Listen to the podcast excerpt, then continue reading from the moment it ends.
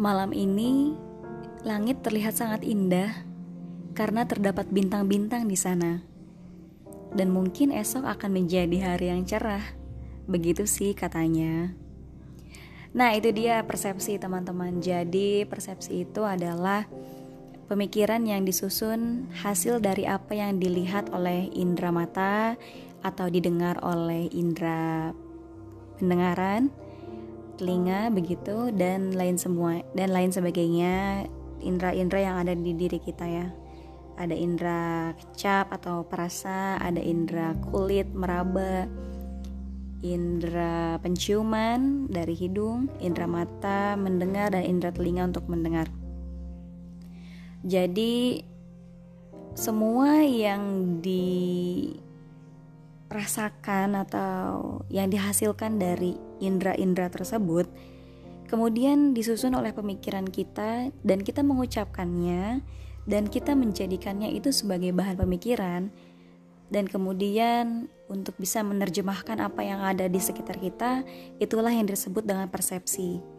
Dan karena itulah kemudian Vina juga mengubah nama podcast yang tadinya Vina Radio menjadi persepsi suara. Karena uh, Vina mengisi podcast-podcast Vina atas apa yang selama ini menjadi keresahan Vina gitu. Atas apa yang Vina lihat, Vina dengar, Vina rasa gitu kan. Dan semua Vina tuangkan di podcast ini gitu. Dan yang paling ingin sekali Vina bagi ke teman-teman adalah alasan terbesar kenapa menjadi persepsi suara jadi kadang kita manusia atau sebagai pribadi mungkin sering mengalami hal yang seperti ini. Aku pengen ngelakuin ini, tapi enggak deh, kayaknya gak enak dilihat orang. Nanti kata tetangga gimana? Nanti kata temen-temen gimana? Dan pada akhirnya kita tidak melakukan apa-apa karena takut atas persepsi orang lain terhadap kita. Takut dibilang jelek, takut dibilang gak pantas, takut dibilang ih apaan sih gak banget gitu kan.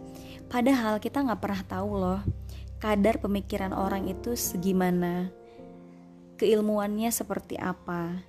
Jadi hal yang bersifatnya persepsi itu relatif, sifatnya gak tetap. Malam bisa aja kita ngomong kayak A gitu. Tapi setelah mendengar penjelasan, pagi-pagi udah berubah deh persepsinya jadi B. Jadi jangan pernah takut untuk melakukan sesuatu yang kita sudah tahu tujuannya ke mana, kita tahu itu adalah pada jalan yang benar, ya kita tinggal lakuin aja. Toh orang lain gak pernah tahu kan kita tujuannya mau ke mana dan akan menjadi apa.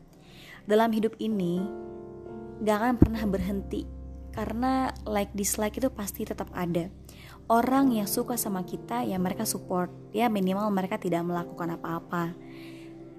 Dan orang yang tidak suka sama kita pun ketika kita tidak melakukan apa pun kadang kita dicari-cari kesalahannya gitu. Apalagi kalau kita mau jadi orang yang uh, berguna sorry bukan berguna ya kalau berguna dampak. Maksudnya pengen jadi sesuatu gitu yang mau kita wujudin ya itu pasti akan ada aja orang yang gak suka dan itu hal yang lumrah, hal yang wajar. Karena penguatan mental itu penting, jadi kita harus bisa tahan dengan persepsi-persepsi orang atas diri kita.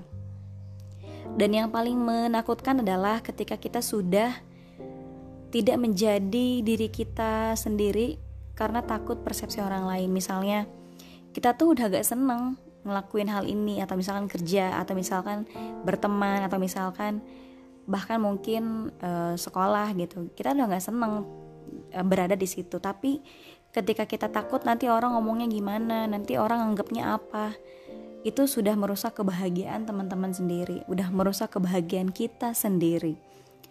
Jadi jangan lagi-lagi gitu. Ketika kita punya tujuan hidup kemudian kita pertimbangan atas persepsi orang lain itu keliru teman-teman.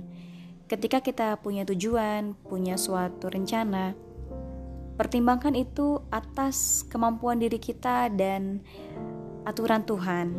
Seperti misalnya saya tahu kemampuan saya misalnya apa ya uh, misal bernyanyi begitu. Dan saya juga tahu kok gitu uh, bernyanyi yang baik itu ya yang dengan cara yang sopan yang masih ada etikanya gitu. Ya udah lakuin aja gitu. Selama itu tidak mengganggu kehidupan manusia yang lain gitu kan. Sesimpel itu. Jadi Jangan pernah takut untuk melakukan apa pun atas persepsi orang lain. Justru ketika kita menggadaikan kebahagiaan kita atas persepsi orang lain itu yang keliru dan itu yang akan merugikan diri kita sendiri. Dan sangat-sangat disayangkan kalau misalnya kita tidak menjadi orang yang bahagia karena persepsi orang lain terhadap kita. Jadi gitu. So, teman-teman, inilah hidupmu berbahagialah dan jangan sampai persepsi orang lain membuat kita takut untuk tumbuh dan berkembang.